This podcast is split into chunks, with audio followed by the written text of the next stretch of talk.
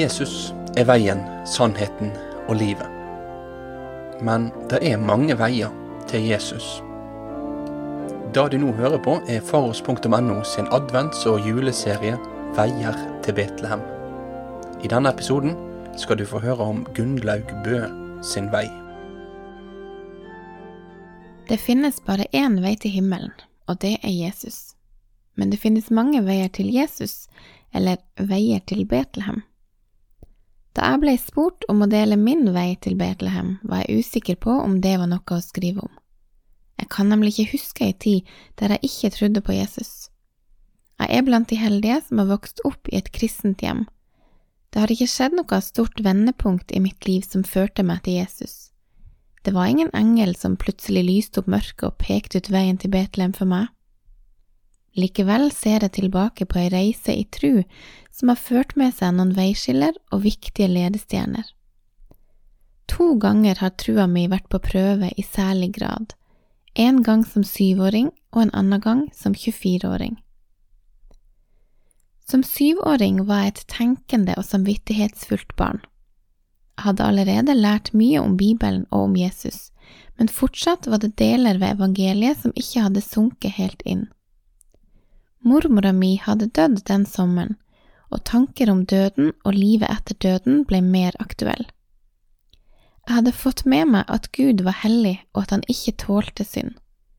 Jeg visste også at det var to utganger på livet. Etter hvert ble jeg veldig bevisst på synda i mitt eget liv, og jeg prøvde så godt jeg kunne å leve rett. Gang på gang opplevde jeg at jeg feila. Jeg sa noe som ikke var sant, jeg slo broren min, jeg tenkte noe stygt, så og så videre. Hver gang sprang jeg til mamma for å spørre om Gud kunne tilgi meg det jeg nettopp hadde gjort. Hver gang svarte mamma det samme, ja, det kan han.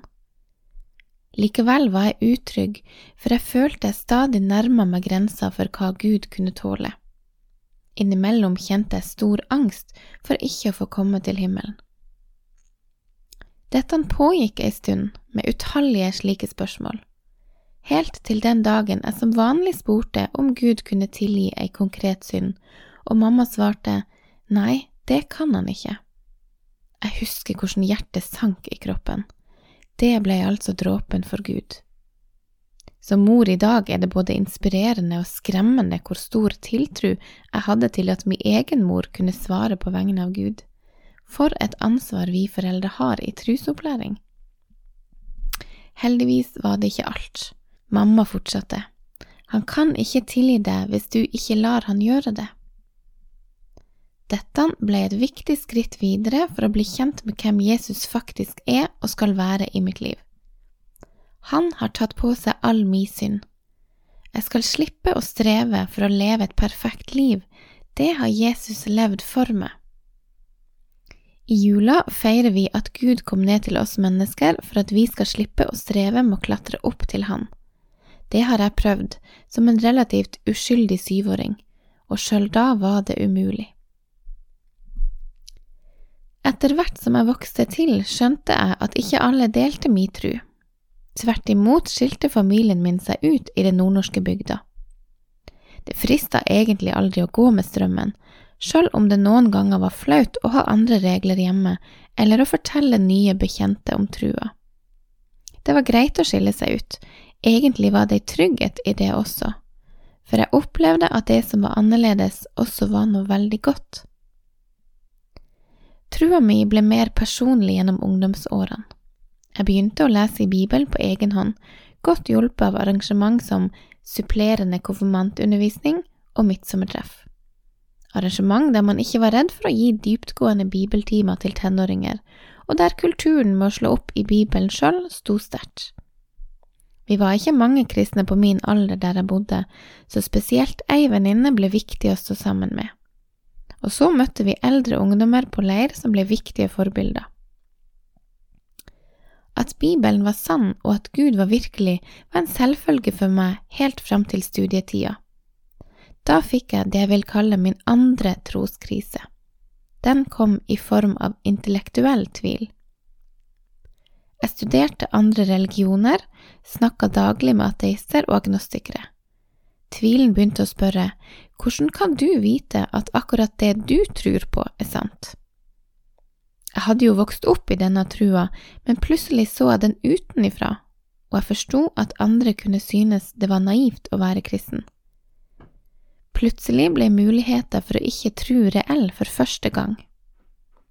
Jeg prøvde å se bort fra min kristne oppvekst, det kristne miljøet og min kristne identitet.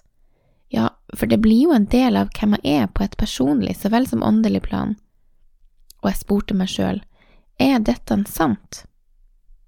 Det ble noen måneder med mange tanker og diskusjoner. Så leste jeg en dag om da Jesus spør disiplene, vil også dere gå bort? Peter sitt svar ble også mitt. Herre, hvem skal vi gå til? Du har det evige livs ord, og vi tror og vet at du er Guds hellige. Fra Johannes 6, vers 68 til 69. Ingen andre religioner eller livssyn kunne gi meg det samme som Jesus. Så har jeg innsett at tvilen kommer og går, og jeg velger å se på det som en ressurs for å holde seg våken og kunnskapssøkende. Veien til Betlehem ble lyst opp av ei stjerne. Veien til himmelen har også ei ledestjerne, Guds ord, som er et lys på vår sti. Men også mennesker kan være lys for andre, de som går noen steg foran og leder veien for dem som kommer etter. På min trusreise med Jesus har jeg hatt flere slike veivisere. Foreldrene mine, som i tro og liv fortsatt er eksempler til etterfølgelse.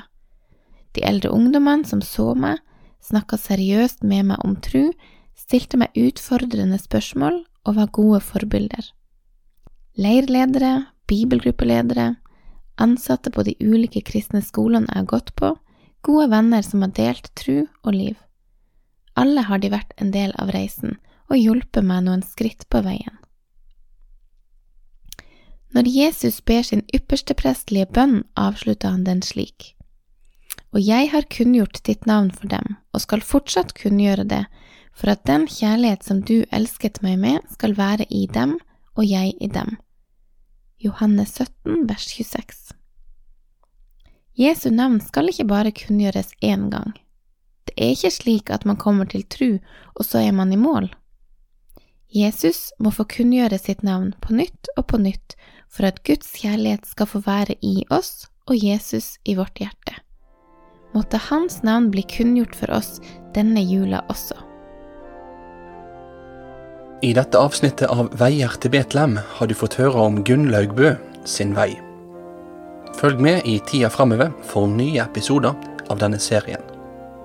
Veier til Betlehem er en produksjon av foross.no. Teksten er lest inn av Elisabeth Kringstad.